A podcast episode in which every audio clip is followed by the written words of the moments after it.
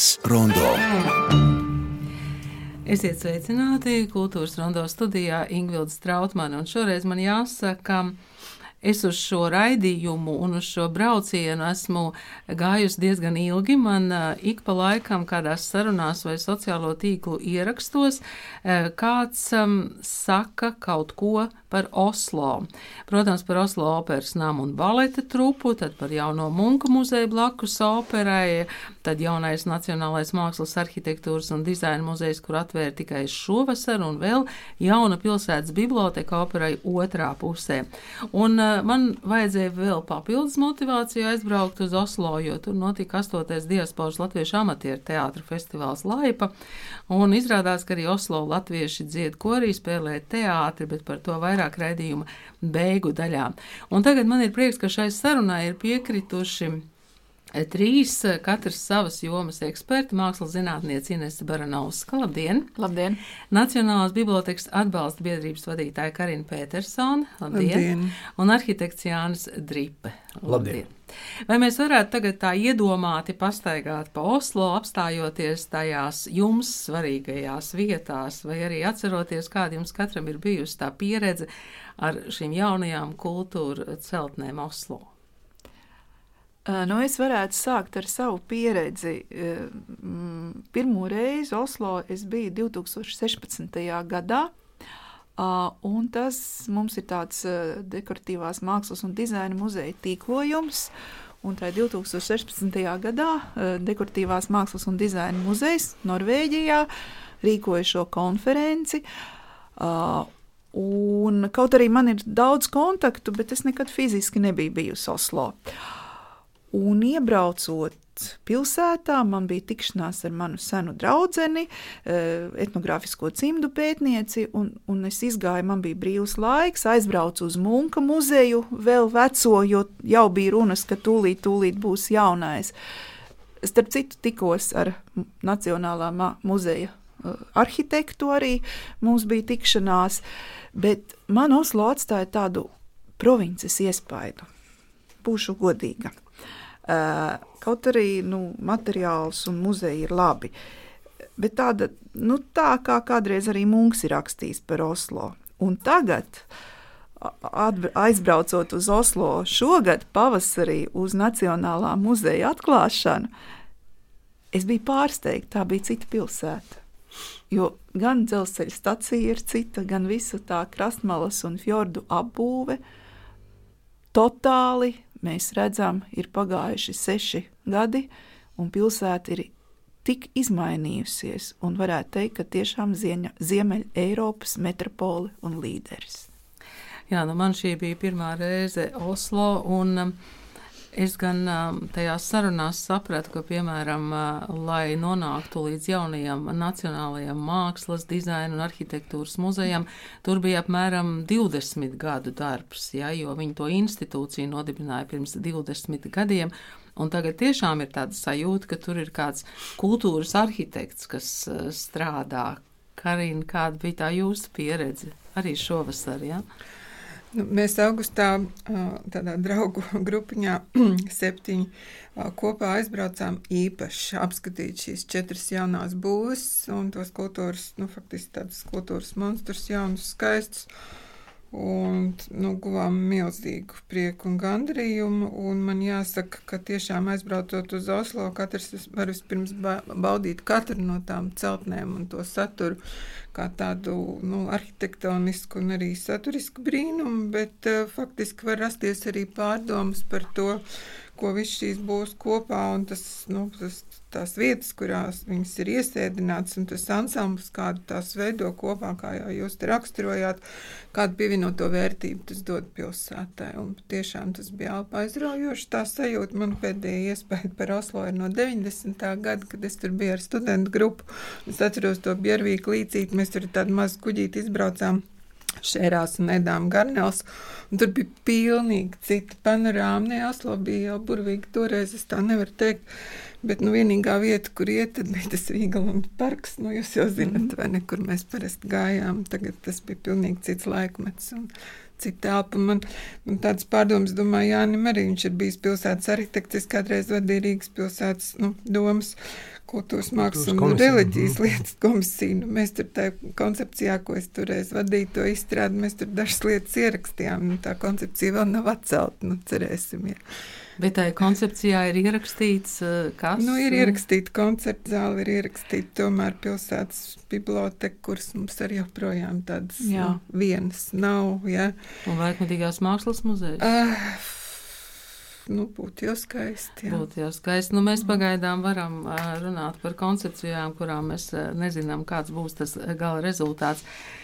Jāni, es klausījos klasikā to rubriku Vai zini? Par Oslo operu. Es saprotu, ka jūs uz Oslo varbūt skatāties mazliet savādāk nekā mēs skatāmies ar arhitektu aci. Nu, citādi es nevaru. Es esmu arhitekts, bet paldies dāmas par skaistu ievadu. Un līdzīgi kā Karina man pirmā iepazīšanās ar Oslo 90. gadi. Tad, kad kļuva pilsētas arhitektu, viena no pirmām vizītēm bija pie Oslo arhitekts Vības kundzes, un es mācījos, kā viņi tās lietas dara. Tas bija viss saprotami un loģiski, un tolaik tieši Oslo opera bija sākta būvēt. Bija viss tas komerciālo būvi lokus, un mazliet tur ironizēja vietējie, ka tur tāda būvs līnija blakus Oslo operai. Viņi to nosauc par bārkodu, tā kā tāds svītru kods tās mājas salikts.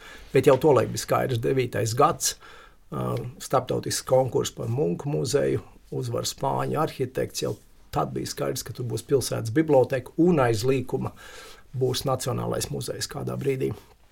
Tā visa ir, kā arī iesāk ļoti pārdomāta kultūra politika. Ja mēs skatāmies uz pilsētām, tad ko līdzīgu var būt ir izdarījuši dažas Eiropas pilsētas, bet tiešām šis četru būvju komplekss tik izcilā kvalitātē.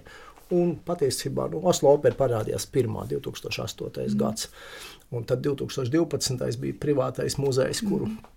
Starp citu, veidojas ļoti izcils. labi strādā šis muzejs. Jā, jā. lielā hale, kur mainīgās izstādes, mazs skulptūra laukums, pastāvīgā izstāde.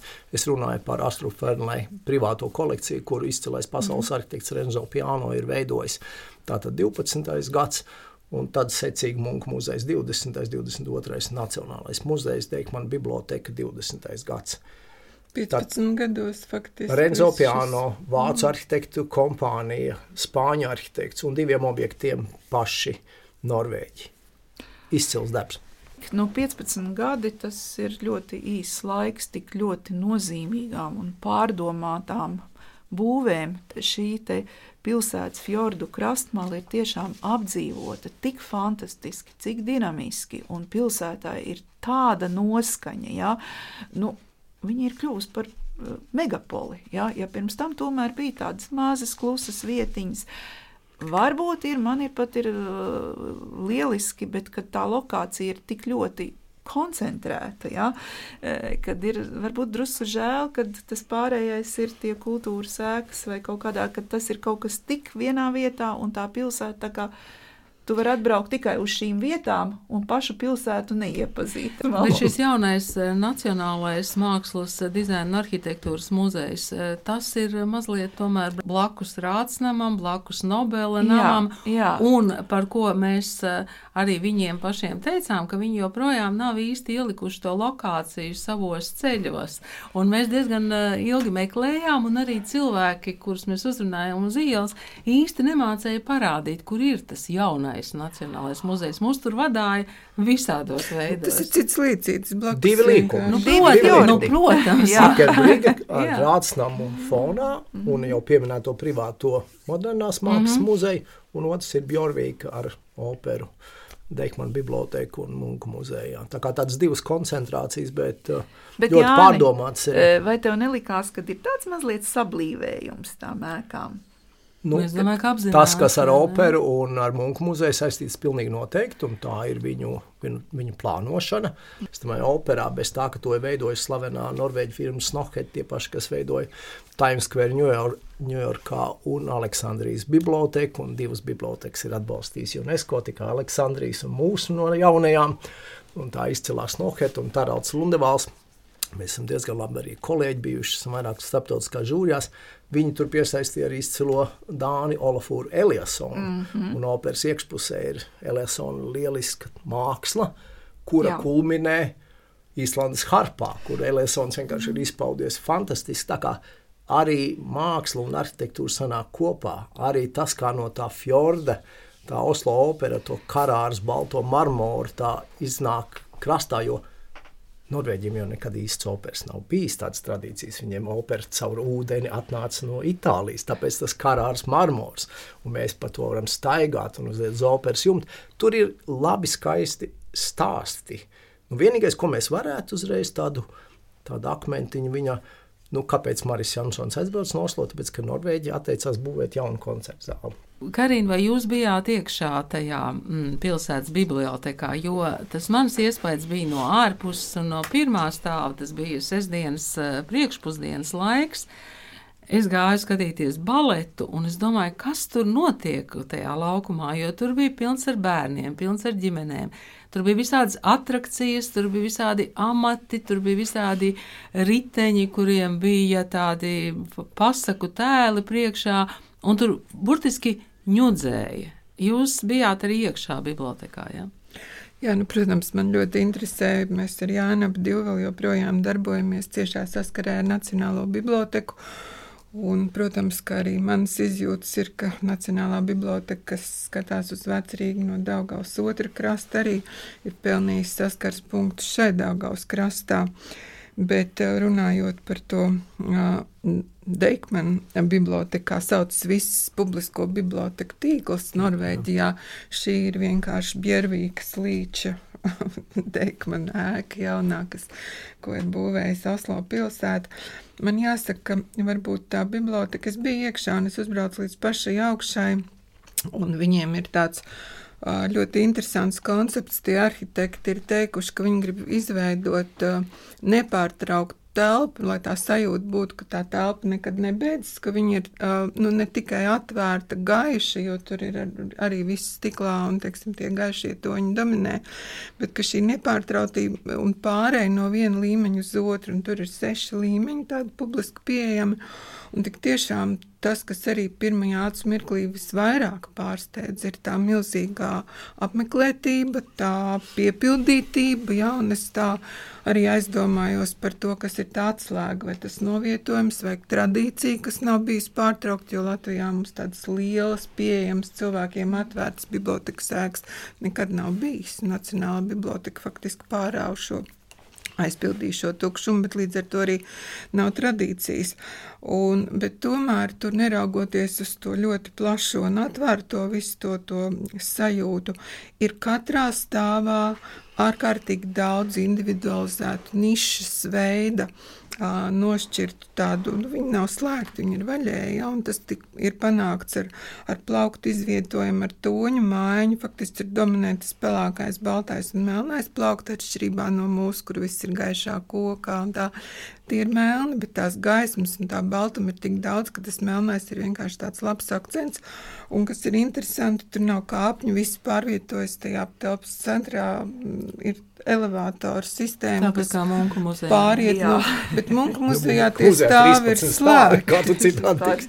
Munku muzejā tie stāvi ir, stāvi ir slēgti, bet tur šie elevātori veido tādu atvērtu sistēmu. Tu visu laiku redzi cauri līdz pašai augšai un augšā ir tāds gaismas, gaismas lokus, ir, kas ir veidots tādā bišu un rakstā. Nu, var sakot, tur ir ļoti daudz simbolu, bet galvenais stāsts ir par to ne, tāpas nepārtrauktību. Un tad man bija jādomā par to, cik ļoti svarīgi ir jaunajai arhitektūrai šie stāsti. Tā kā mūsu Nacionālajā bibliotekā tas stāsts par stikla kalnu, ka ceļš uz zināšanām ir pārvarot, nu, ceļš uz pārticību ir pārvarot grūtības un nejauc ar zināšanām.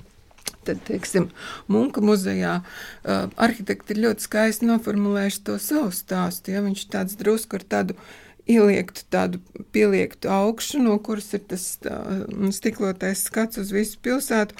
Un tur ir teikts tā, ka tas Munka muzejs uh, viņš papildina to pilsētas, pilsētas ainavu, bet viņš reizē paklanās tai esošai pilsētai, kā jaunpienācējs, cieņpilni paklanās. Un savukārt par Munka muzeju runājot, mums bija tikšanās arī ar muzeja direktoru, ar kuratoriem tas pārsteidzošais vēriens, koncepcijas uzdrīkstēšanās, kas ir vispār ļoti arī šīs dīvainās citādākas kombinācijas, meklēti kaut kādi netradicionālas, paralēlas, munks un, un citi. Vēriens, protams, jo liekas, kā var būt, jo tas iepriekšējais monētu muzejs nu, salīdzinoši bija daudz, daudz mazāks. Ir cilvēki, kas ir arī, jo es biju tādā starptautiskā kuratora grupā, kas teica, ka tā intimitāte, eh, nu tagad muzejs monētu ir kļuvis par blockbusteru. Ja? Un tā intimitāte, tā, tā, tāda, tāds, tāds personiskais ir nomainījis tā, tā muzeja dinamika. Viņš ir mega, tas muzejs ir mega liels, apmeklētāju plūsma, visi teikrekli ar kliedzienu ir izpārdoti. Ja?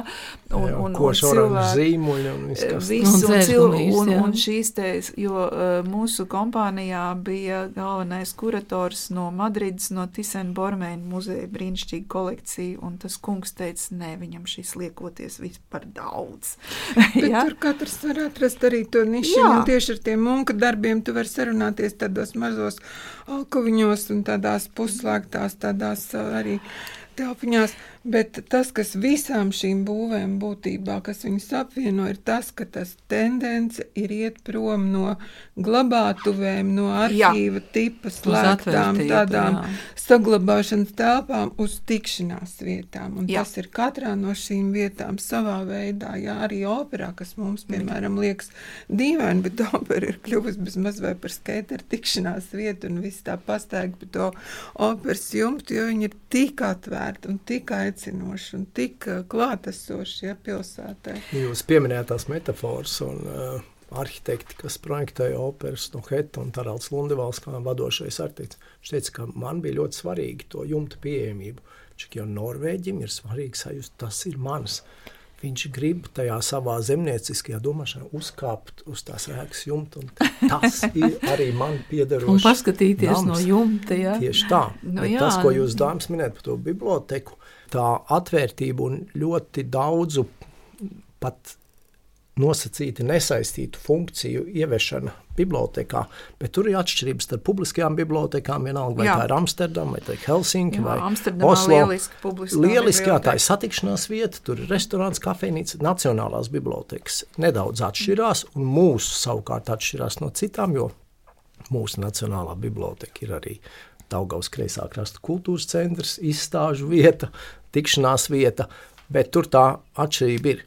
Savukārt, ja mēs skatāmies tajā plūdenējā panorāmā, tad tas mūža muzejs drusku ir tāds kliedziens. Jā, tas ir mazais mākslas debeskrāps. Jā, tāds. jā. Un, nu, un 13 un vēl ar Treisijas Zeminas skulptūru, jā, jā, kas tur. ir uh, principā ļoti, ļoti tikko viņa tika instalēta un, Bet, Ines, un laikam, spēcīga. Tas ir, Tiesa arī, ka tas ir viens no pasaulē lielākiem, nu, vienai personai veltītiem muzejiem. Tā vismaz Jā. tur autori saka. Nē, arī mēs... tā ir. Munka kliedziens ir, ir Norvēģijas monolīze faktiski. Jā, jā, jā, un viņi arī šo te ļoti veiksmīgi marketē šobrīd. Mm. Tiešām ļoti un viņiem ir iespējas, un tas, ka Munka muzejs, jo tiešām Munks ir novēlējis pilsētai, un tā kolekcija visa nevis izšķaidīta kaut kur principā, bet tomēr ir Oslo, eh, bet ir tas, ka, protams, ļoti daudz šobrīd konkrēti Orsē muzejā ir Munka izstāde liela, un eh, visi pasaulē daudzi lielie muzeji vēlās Munka darbus eksponēt, un līdz ar to tie starptautiskie kontakti un tas tīklojums ir ļoti ļoti veiksmīgs, un Munka muzejs var arī saņemt pretī no citiem pasaules uh, lielajiem muzejiem ļoti labus mākslas darbus un meklēt šīs paralēles. Atgriežamies pie tām lielumiem. Nu, tad uh, Oslo jaunais Nacionālais muzejs ir 54,000 km2, mūsu Nacionālā biblioteka tikai 43. Tā, tā ir milzīga, lielākais muzejs uh, Ziemeļvalstīs. To tā kā jānovērtē. Es mazliet atkal domājot par to Rīgas nākotni, tagad jau ir svarīgi runāt. Mums būs tūlīt jauna valdība, mēs varam daudz ko paģērēt un vēlēties. Jauns pilsētas arhitekts un, un, varbūt. Jā, mēs meklējam, joprojām nevaram atrast īsti to pilsētas arhitektu. Un Evelīna Ozola tagad cīnās ar diviem amatiem - pilsētas dizaineru un arhitektu, lai viņai labi veicās. Bet skaidrs, ka mēs atkal atgriezīsimies pie laikmatīgās mākslas muzeja, un mums ir izcils, izcils arhitekts Devičs Džai, ir saņēmis no karalienes sēra titulu, un viņš ir projektējis muzejus visā pasaulē. Līdz ar to mums ir ļoti labs potenciāls, mums ir ļoti labs projekts. Un, un, un gan jau kaut kā mēs ar to konceptu zāles, konceptu arī tiksim vaļā, bet potenciāls mums ir.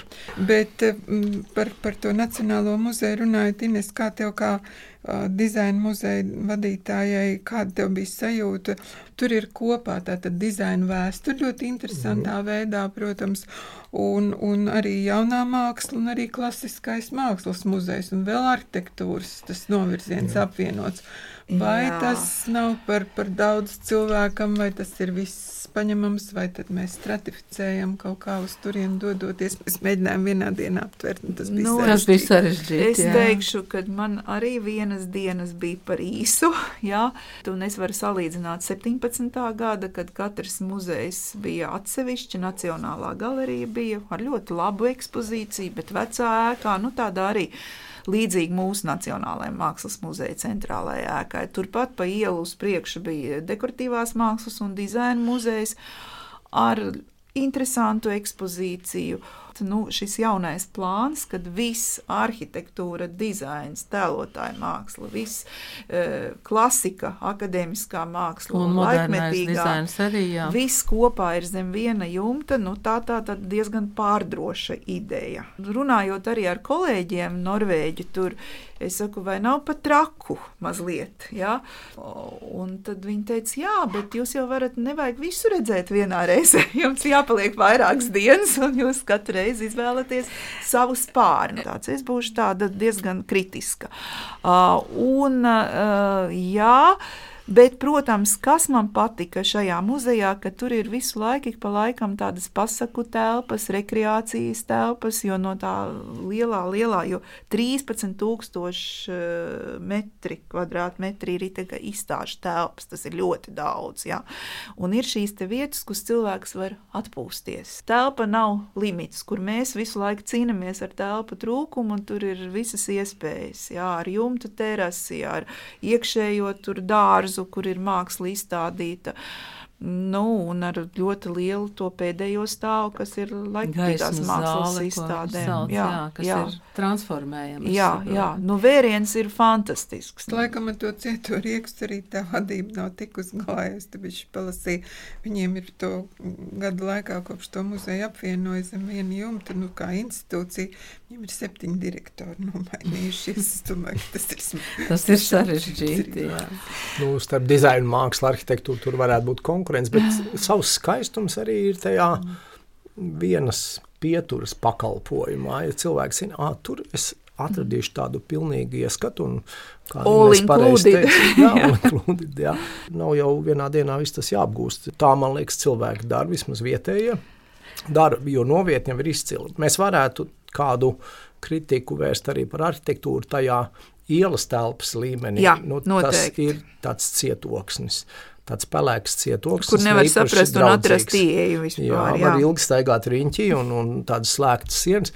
Varbūt tas vienīgais attaisnojums, ka tas akar bija cietoksnis īstais vēsturiskais arī ir turpat blakus un viņi ir kaut kā no tā inspirējušies, bet tā nav īpaši publikai atvērta un draudzīga arhitektūra. Iejot iekšā, tur viss mainās, ļoti eleganti, starp citu, biblioteka mm, ir muzejā. Mākslas grāmatu biblioteka, jā. Izcil. Nu, muzeja pārstāvis Siemens Johims Helsviks arī mani tā kā mazliet izvadāja, mazliet pastāstīja, bet tas, ko viņš īpaši uzsvēra, ko, ko jūs šeit runājat par tām dažādajām mākslām, ka viņi ir mēģinājuši radīt kontekstus Un otrs, arī tieši tas, ko jūs teicāt par vairākām reizēm, ka viņi saka, ka viņi ļoti cer, ka vismaz vietējie iedzīvotāji atbrauks otro, trešo un ceturto reizi atnāks skatīties, un tad jau acīm redzot, katrs izvēlēsies nu, kaut kādu savu nišu, ko skatīties.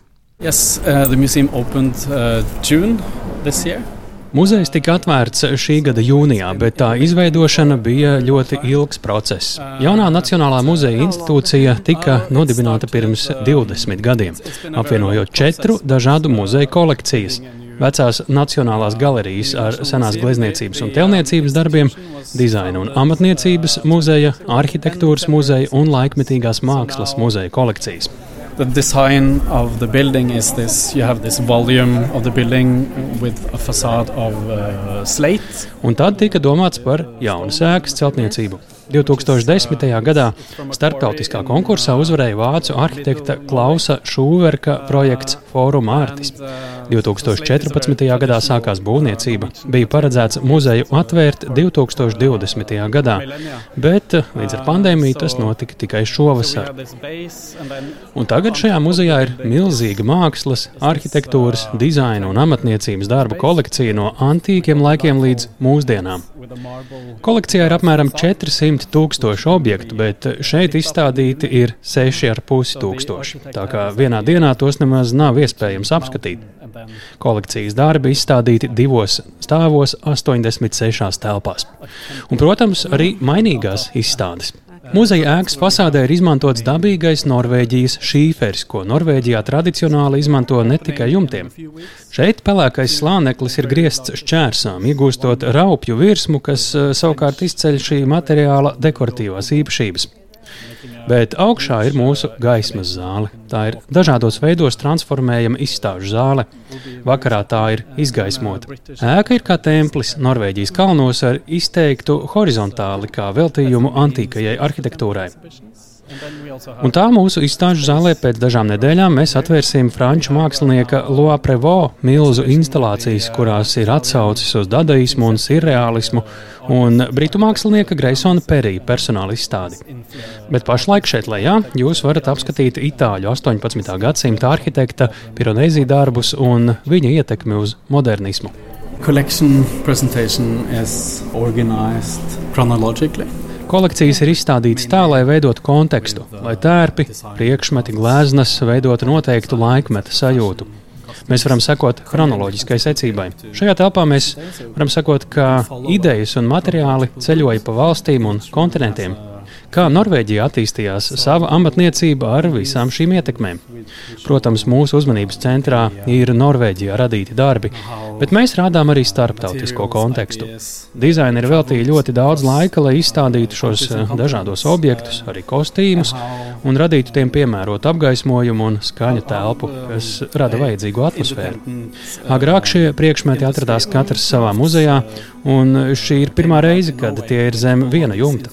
Un tagad gobelēni, mēbeles, gleznas rada vienotu ainu un sajūtu par kādu laiku. Um, It's called the Baldishol tapestry, and it's, uh, it's a medieval tapestry. Un šis gobelēna fragments ir no 12. gadsimta. Tas liecina par seno gobelēnu aušanas tradīciju Norvēģijā. Tajā ir attēloti visi 12 mēneši, bet šeit redzami tie, kas vislabāk saglabājušies - maijs un jūnijas. Gobelēns tika atrasts kādas Norvēģijas vidienas baznīcas grīdā, līdz ar to tam ir ļoti labi saglabājušās krāsas. Šis ir viens no senās amatniecības rīcības kolekcijas svarīgākajiem darbiem. Te savukārt ir iespēja iejusties kādā senā ēdamistabas atmosfērā. Gaismas, kafijas tasītes un citi šim laikam piederoši priekšmeti. Un tas ir jau 18. gadsimts. Izstādot kolekcijas, bija svarīgi centrā nolikt cilvēku un viņa sajūtas, apskatot darbus, sajūtot laikmeta un politiskos kontekstus. So, so this is uh, the main room of modern mm -hmm. contemporary product design. So, Savukārt šeit ir modernie Norvēģijas ziemeļu dizaina paraugi no mūsdienām. Kā dizains dzīvo ikdienā, kā dizains ir svarīgs demokrātiskās institūcijās, dokumentos, pasēs un tā tālāk. Kā dizains veido mūsu dzīvi tagad, arī virtuālais dizains. So this is, uh, uh, exhibition of contemporary Norwegian uh, fashion. Tā ir telpa, kur redzami Norvēģijas mūsdienu tērpu dizaina paraugi. Viens no slavenākajiem Norvēģijas tērpu dizaineriem, Pēters Dundas, ir veidojis tērpus Mišelai Obamai un Kimai Kardašianai. Un šeit ir redzami Norvēģijas karalieņu, modes un sonijas tērpi. Šo kolekciju muzejam dāvināja Karaļnams. Cik ilgs laiks eh, vajadzīgs, lai apskatītu muzeju? Uh, Vairākas dienas, bet te atbrauc cilvēki, pavada 4-5 stundas. Bet mēs ceram, ka vismaz Norvēģijas cilvēki atgriezīsies muzejā atkal un atkal. Mm -hmm. Un te ir munka zāle. Ikoniskais munka darbs Kliedziens. Tā ir pirmā versija eļļā. Ir četras versijas, bet pārējās atrodas Munka muzejā.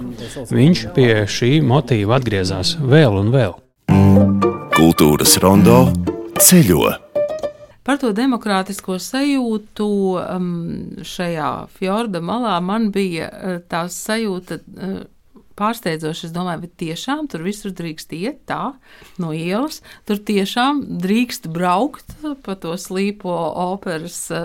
Jumtu. Nu, jumtu jā, un arī operā iekšā faktiski drīkst ieiet, un pat ja tev nav biļetes, kādu gabaliņu apstaigāt, vai ne? Un, Nu jā, un tad vēl pretī saunas, kur cilvēki vienkārši var relaksēties ar skatu uz operu un munka muzeju. Un biblioteku. Un biblioteku. Man šī demokrātiskā sajūta šķita pārsteidzoša, un um, nu jā, es saprotu, ka tur ir milzīgs finanses ieguldīts, lai visu to izveidot, bet arī es domāju, ka tā pēctecība tai plānā tur nav tā, ka viens pirms 15 gadiem nolēma, ka būs tā, bet pēc pieciem gadiem kāds cits izdomāja, nebūs savādāk. Tas var būt ļoti jauki, ka jūs Ingūna to pieminējāt. Tas pēctecības princips ir ļoti labs, un mums ir viens, es teiktu, izcils rezultāts arhitektoniski un funkcionāli. Tā ir jaunā meža parka lielā estrāde. Un paldies Dievam, tajā brīdī, kad tika lemts, ka atgriežamies pie estrādes projekta, mēs atcerējāmies 2007. gadu, starptautisku konkursu, Mailīts, Austrijas un Pogjūras toreiz uzvarēja. Jo tad arī bija daudz runas. Atkal jaunu konkursu skatāmies, kā nē, tas bija leģitīms konkurss. Cienīsim, mūsu paši arhitekti vinnēja. Šajā sakrā es gribu teikt, arī AB Dāmas toreiz Anna Sīlis tādā konkurencē. Vinnē, mēs šodien runājam par Snohetu un Oslo izcilu operu. Snoheta toreiz piedalījās konkursā. Hennings Lārsens, Kopenhāgenes karaliskās operas autors piedalījās. Andris godīgi vinnēja Nē, to mēs liekam malā, tas nav vajadzīgs. Pirmkārt, gadījumā viņa 18 uzceltās bibliotekas Amerikas Savienotajās valstīs un 20 biblioteku projektu kopumā bija par pamatvaldības lēmumu tieši Gunārs Birkēta uzaicināt. Tas bija savā ziņā izņēmums. Ba, Kāda jā. ir tā pēctecības nodrošināšana? Kā to pēctecību nodrošināt? Ar likumiem? Es domāju, noteikti ir jābūt kultūra politikas nostādnēm. Jā, Es varētu pat teikt, ka tas ir kaut kāds noziegums pret mūsu nākotnes paudzēm, kad vēl aizvien mums nav laikmatīgā mākslas muzeja. Tas jau ir jau, jau noziegums. Man bija kāds piedāvājums, toreiz mēs plānojām, es Latvijas institūtā plānoju kopā ar valsts kancelēju to teritoriju pie brīvības būvāra, nu, tur tādus uzstādīt tādus vēsturiskus mākslas ekskursus digitālus un uzrunāju džemu. Viņa vienkārši atteicās runāt. Viņa teica, kā es vispār varu piedalīties šādā sarunā, ja mani darbi nav nekur redzami. Vesels Jā. gadsimts ir pilnīgā tukšumā. Par to pēcsacības iespēju es domāju, ka mums drusku vajadzētu vairāk strateģiskas domāšanas un tās konsekvences un tādu godīgu arī cieņu pret pašu pieņemtiem lēmumiem, pat reizēm ne pret citu pieņemtiem lēmumiem, bet pret pašu pieņemtiem lēmumiem. Un uh, Oslo piemērs uh, noteikti parādīs, varbūt vēl par agru izvērtēt šo 15 gadu ieguldījumu pret pienesumu, bet es domāju, ka tas pienesums demokrātijai, demogrāfijai, turismam un ekonomikai galu galā viņš apliecināsies.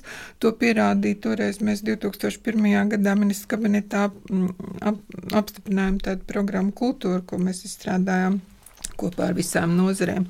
Un tur Raita Karnīte toreiz koordinēja, un tā bija pilnīgi jauna pieeja toreizējiem ministru kabinetam un arī radošai vidē, ka aprēķināt to kultūras um, ietekmes koproduktu pienesumu uz to, ka cilvēks ejot uz teātri, izmanto sabiedrisko transportu, pērku svētku drēbes un tā tālāk. Tas nekad nav izvērtēts. Tam ir milzīgs ekonomisks efekts visām šīm kultūras aktivitātēm. Nemaz nerunājot par to, ko jūs minējāt, šo bērnu klātbūtni, agrīnu piedalīšanos, iesaistīšanos. Pierod, Mēs var. tagad finansējam biblioteka arhitektoniskos uzlabojumus reģionos mūsu biedrību. Un man ļoti satriec tas, ko teica viens pilsētas, liels pilsētas mērs, kad mēs runājam par to, ka jūrmāls slēdz iecels biblos. Viņš teica, ak, Dievs, kā var nesaprast, ka šodien bibliotekai ir strateģiska drošības nozīme, kāda tā nav bijusi nekad agrāk. Tā, pareizi Lūk, arī, jā, tā.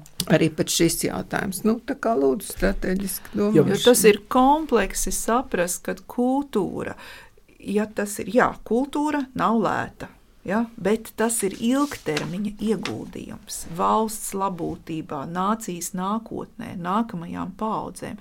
Tas ir vienkārši ļoti, ļoti nozīmīgs. E, kultūras ēka dod pilsētai fantastisku attīstības iespēju. Pēc tam tas nav viena, divu gadu jautājums, tas ir ilgtermiņā. Es šodien teikšu jums paldies par sarunu, tāpēc, ka tiešām Oslo piemērs uh, liek ļoti daudz ko pārdomāt, eh, skatoties uz Rīgu, skatoties uz Latviju. Paldies šodien mākslas zinātniece Inesē Baranovskai, Nacionālās bibliotekas atbalsta biedrības vadītāja Karinai Petersonai un arhitektam Jānim Dripem. Jaunajā Nacionālajā mākslas dizaina un arhitektūras muzejā izvadāja Sīmenis Joachims Helsviks, un tad kopā ar viņu mēs varam iegūt arī kādu nelielu ieskatu šajā muzejā. Kultūras rondo skatās. Tas, ka Latviešu amatieru teātru astotais festivāls Lai par devīzi jauns skatu punkts tev un man notika Oslo, tas atveda uz Oslo astoņus latviešu teātrus no septiņām valstīm un kopā ar ekspertiem viņi sprieda un radoši strīdējās. Un eksperti no Latvijas bija aktrise Dina Kristīna Bitēna, aktieris Jurģis Spulenieks, režisors un animators Dzinters Krūmiņš. Pirmkārt, man ir jāsaka, ka īstenībā šis ir nu, svētīgs darbs, jo savākties kopā bez faktiskiem resursiem un, un, un, un, un, un tam līdzīgi. Tas ir nu, burvīgi. Tas, ko šie cilvēki dara, tas ir apsveicami. Un pilnīgi noteikti šādas iniciatīvas būtu jāatbalsta arī no valsts puses. Tas būtu obligāti un primāri. Ja valsts grib tomēr domāt par uh, savas kultūras ilgspēju, tas būtu pilnīgi obligāti. Nu, arī viena lieta, kurai obligāti kultūras budžetā būtu jāatrodas atbalsta pozīcijai. Ja būsim reāli, šie cilvēki turpina valodu, šie cilvēki turpina kultūru, un šie cilvēki turpina būtībā Latvijas kultūra telpas skatījumu nešanu tālāk. Un tāpēc es esmu absolūti savā sajūsmā. Šādas lietas ir obligāti jāturpina un tam ir jābūt valsts atbalstītām. Absolūti pievienojos. Ziniet, jums tāda vēl dubulta pieredze, ja Stokholmā plats solis un šeit nu, droši vien cita atmosfēra. Nu, jā, šeit. Uh, Šeit ir vairāk burziņš. Vairāk burziņš, eh, nu, tāds eh, ģimenisks pasākums. Viens otru pazīst un, un nāk iekšā, tur zina, čau, čau, viss sveiki, viss tur dzīvo, viens par otru pārdzīvo skatās otru. Jā, nav tādas sacensības eh, būt labākajam. Jo faktiski viss ir labi, viss ir lieliski, bet katrs uh, ieņem nu, šo lieliskumu, savu kaut kādu pozīciju. Un, uh, jā, nu, tas, tas man liekas, ir tas svarīgākais, ka necenšas būt nu, labāks par otru, burzīties, dzīvot un būt patiesam. Tas ir tas, nu, tā, tā īstā lieta sacensība viņu uzreiz kaut kā nu, to, to ģimeni sārda. -hmm. Ir tāda, tāda baigā tāda nu, ņemšanās. Informācija, zināšanas, augstoši cilvēki, kuri vienkārši nu, uzsūc visu, ko mēs nu, runājam un stāstam. Jo mūsu misija ir tāda, tad, nu, pasniegt roku, lai pie tās rokas skatās, jā, pieķērās pie katra pirksta pa desmit. Ir pieķērušies, ok, tad nu, valkam augšā. Jā, tā, tā, tā ir tāda milzīga tāda gribēšana. Gribēt strādāt, gribēt darboties valstī, tātad, kas būtu jādara. Tātad atbalstīt šos kolektīvus, nu, nerīkojot konkursus. Mm -hmm. Jo tikko sākās nu, kon, kaut kādi konkursi, konkurence uzreiz nu, sāk, nu, jā, nu, mēs jau neko tur, mēs jau tur neko nedabūsim. Dabūs tas, kas uzrakstīs labāku projektu. Tas, tas diezgan, diezgan lielā mērā nogalina šo dzirksti. Ka, lūk, jā, man tur augšā pateica. Mm -hmm bet uh, to nevajag ņemt vērā. Tas, tas kas man iekšā, tas, tas ir tas svarīgais. Nevis uh, nu, vadīties, kāds kaut ko pateicis. Mēs jau arī kā eksperti arī dzen, uh, nu, pasakām kaut kādas lietas. Un tad jā, viņiem ir izvēle ņemt mūsu vērā, cik daudz ņemt vērā, vai neņemt vērā mūsu vispār. Nemaz pateikt, ah, ko tie eksperti vispār zina. Jā, tas tā var būt, un tas ir labi. Jo ir nu, pašam sava kaut kāda nostāja, un, un tad atliek tikai viņam strādāt un darboties. Mm. Ko es vēl gribēju piebilst, man būtu vēl gribējies redzēt, nu, kā čūča mūžas pārstāvēja kādu izrādi bērniem. Mm. Jo latviešu diasporā sauk arī bērni. Un, diemžēl, Reizēm ir tā, ka aprecoties ar citas tautības cilvēku, pazūd valoda, pazūd valodas tīrība. Un eh, izrādes bērniem būtu ļoti, ļoti šeit vietā. Jā, tas ir pilnīgi noteikti. Jā. Jo, jo tā ir eh, atkal atsevišķa niša, kur strādāt, kur, to, kur turēt šo te.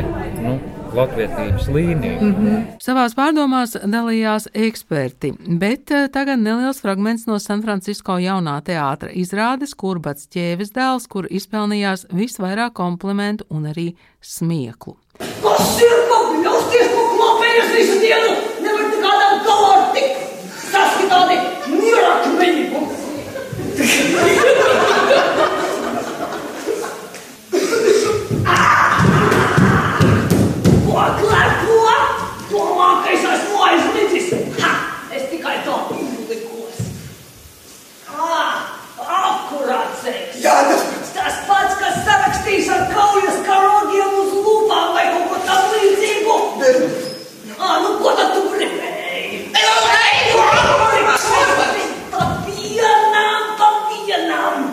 Bet tagad uzrunāju Oslo amatieru teātra Olate vadītāju Ievu Melbārdi, kurai šoreiz bija mājas mātes loma, un Bretfordas teātra saulespuķa vadītāju Gitu Robaldi. Gita tevi nosauc par laipas mammu, tāpēc es tev prasīšu, kā tā laipa piedzima. Nu, laipa piedzima pirms astoņiem gadiem Bratfordā.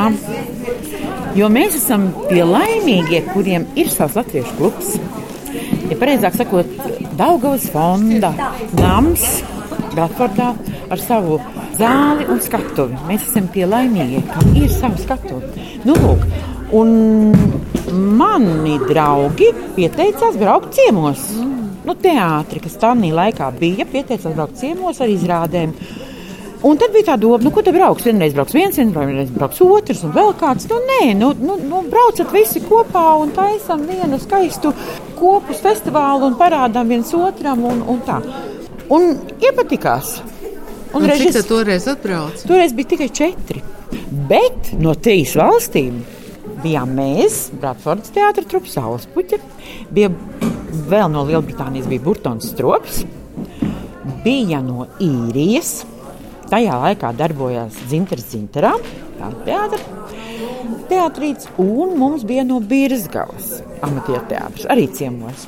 Tādēļ arī Birzgalē ir šī mūža, piešķirta tā mūža dalība laikā. Jo viņi bija no tiem pirmajiem, kas, kas atbrauca arī pie mums ciemos. Nu, jā, un, un tad bija doma, nu, ka vajag katru gadu tā skaisti sabraukt un, un tā. Bet es teicu, ka es negribu vienu pati visu laiku organizēt. Es arī kaut kur gribu aizbraukt.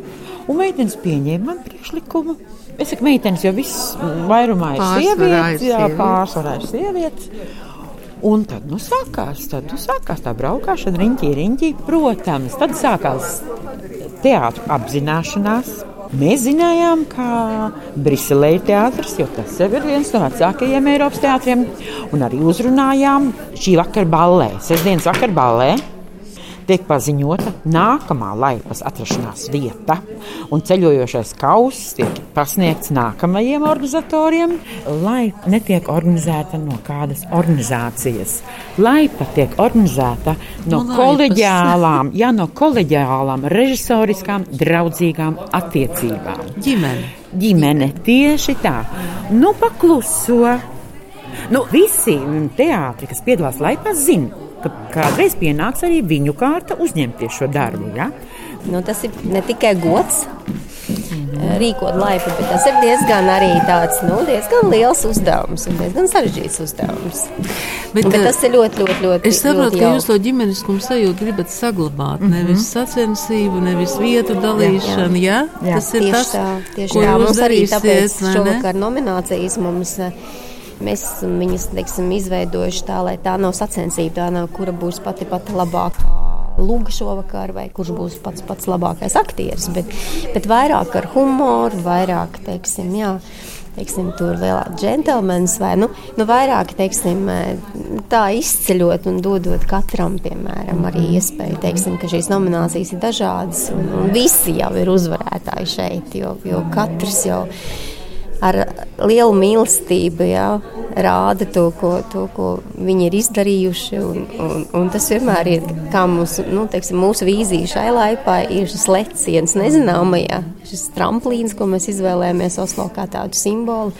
Un mēs jau šovakar redzējām tās dažas uzvedumus un, un izrādes, kur tiešām mēs varējām teikt, kur, kur es pat varu redzēt, ka, ka cilvēki ir sevi izaicinājuši, viņi ir darījuši ko jaunu. Un ir šis leciens, šis tiešām leciens. Un, protams, lai teātriem būtu attīstība un virzība uz priekšu, un, un gribētos kaut ko jaunu. Tā. Tādēļ no Latvijas eksperti vienmēr tiek pieaicināti, un, un tādēļ arī eksperti dod savu vērtējumu katrai izrādē. Izrādes, Jā, un ieteikums, vai ne? Un tā, tā kā, protams, jebkurš režisors un, un, un, un ņem pretī tos. Bet ko šis pandēmijas laiks ir iedevis latviešu amatieru teātriem pasaulē? Principā jau ir tā, ka pandēmijas laiks jau latviešu amatieru teātriem pasaulē bija ļoti ražīgs. Un, kā mēs zinām, arī apvienojāmies mēs platā vai ne? Pandēmijas laikā. Un, un mums bija latviešu lugu lasījumi. Un zūmā strādājām. Zūmā kā strādājām, kā traki, jā, tieši tā. Un tad Minsterē bija nu, tāds humoriņš, jā, Minsterē bija jau klātienē pagājušā gadā. Un tad bija tas humoriņš, ā, tev ir arī kājas, jā, jo, jo tikai galvas jau bija zūbos redzēts. Tā, tā kā nevarētu sūdzēties, ka pandēmija būtu ko ļoti nodarījusi skādi. Kā kādu. Jo, piemēram, mēs arī mēs ļoti ražīgi strādājām visu laiku. Un arī meistarklases, es domāju, bija daudz jā, pieejamākas. Jā, jā, jā, jā, jā, attālināti, bet mm. jā, vai ne? Tā kā, nu, man pat reizēm liekas, jo es tā arī no Lielbritānijas eh, pašdarbības puses vispār, ka pēc pandēmijas ir šobrīd pienācis brīdis, kad ir grūts savākt tos cilvēkus. Jā. Jo par tādu, arī, jā. jo par tādu lietu sūdzās diezgan daudz. Mm. Jā, nu, nu, nu kā, nu tad, kad mums, piemēram, arī bija ļoti izteikti šeit Norvēģijā, bija tā, ka mēs, mēs nedzīvojam tikai Oslo. Mūsu teātrī mums ir cilvēki dzīvo to apkārt un brauc. Un bija tā, ka pat nedrīkstēja braukt ārā no komunas. Mums arī bija tā, un bija grūti tikties. Un skaidrs, ka nu, cilvēki atrod, kad viņam varbūt ir kaut kur jābrauc atrodas citas intereses. Mēs iemācāmies darīt kaut ko citu. Un uh, man šķiet, jā, ir tāds nu, nu, inertums, ja tā varētu teikt. Mm -hmm. nu, kas mums tagad ir jālauž? Mm -hmm. nu, mēs nākam atkal kopā. Tagad drīkst, jā, bet gribētos, ka visi tā skrien. Saka, mēs mm -hmm. tagad visi. Nē, bet nu, tu saki, ka nav. vajag. Mm -hmm. bet, bet man bija liels prieks, ka šī laipa, man jāsaka, tā laipa um, Oslo ir arī atkal no jauna iekustinājusi mūsu teātri.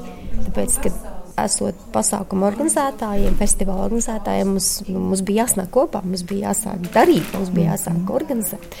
Un, un, un laikam ejot laipa ir um, tā vieta, kādēļ ir radušies citi amatieru teātri. Pirmais, ko es noteikti varu nosaukt, ir ministrs Ezīši. Jo tad, kad mēs gatavojamies uz mm. Briseles laipu, nu, tur netālu kaimiņu būšana, un viņi speciāli saorganizējās uz Briseles laipu ar uzvedumu. Un, un, protams, pēc tam aizgāju, un, un viņi ir uzņēmuši jau pie sevis. Ja. Tāpat tās, teiksim, uz Īslandes laipu speciāli radās šobrīd mums zināmais Dānijas amatieru teātris Pūpols. Jā, laipa noteikti ir tas atspēriena punkts. jā, tieši tā, tramplīniņš, tramplīniņš, kur, jā. kur jaunajiem mm. sāk kaut ko darīt. Tieši tā. Vai jūs paredzat, ka turpmāk būs divi latviešu amatieru teātru salidojumi vai festivāli, kā šogad bija plats solis pirms mēneša, un tagad jūs? Kā jūs redzat to situāciju? Vai atkal apvienosieties, vai tomēr nē? Kas to lai zina, to visu rādīs laiks, protams, bet nu, mums pagājušajā gadā ministrē bija skaidrs, ka laipa ir palikusi par šauru. Tas bija skaidrs, un, un, un, un īstenībā jau nu, ir grūti prognozēt kaut ko, kā tas būs, bet um, patiesībā jau jebkura kopā nākšana ir ļoti jauka. Šo kultūras rondo veidoja Santa Lauganses pavasaris, Valdis Raitums, Tāls Eipurs un Ingvilda Strautmane, un nu jau zināms, ka nākamā laipa notiks San Francisco, bet Oslo noteikti ir vieta, kur atgriezties.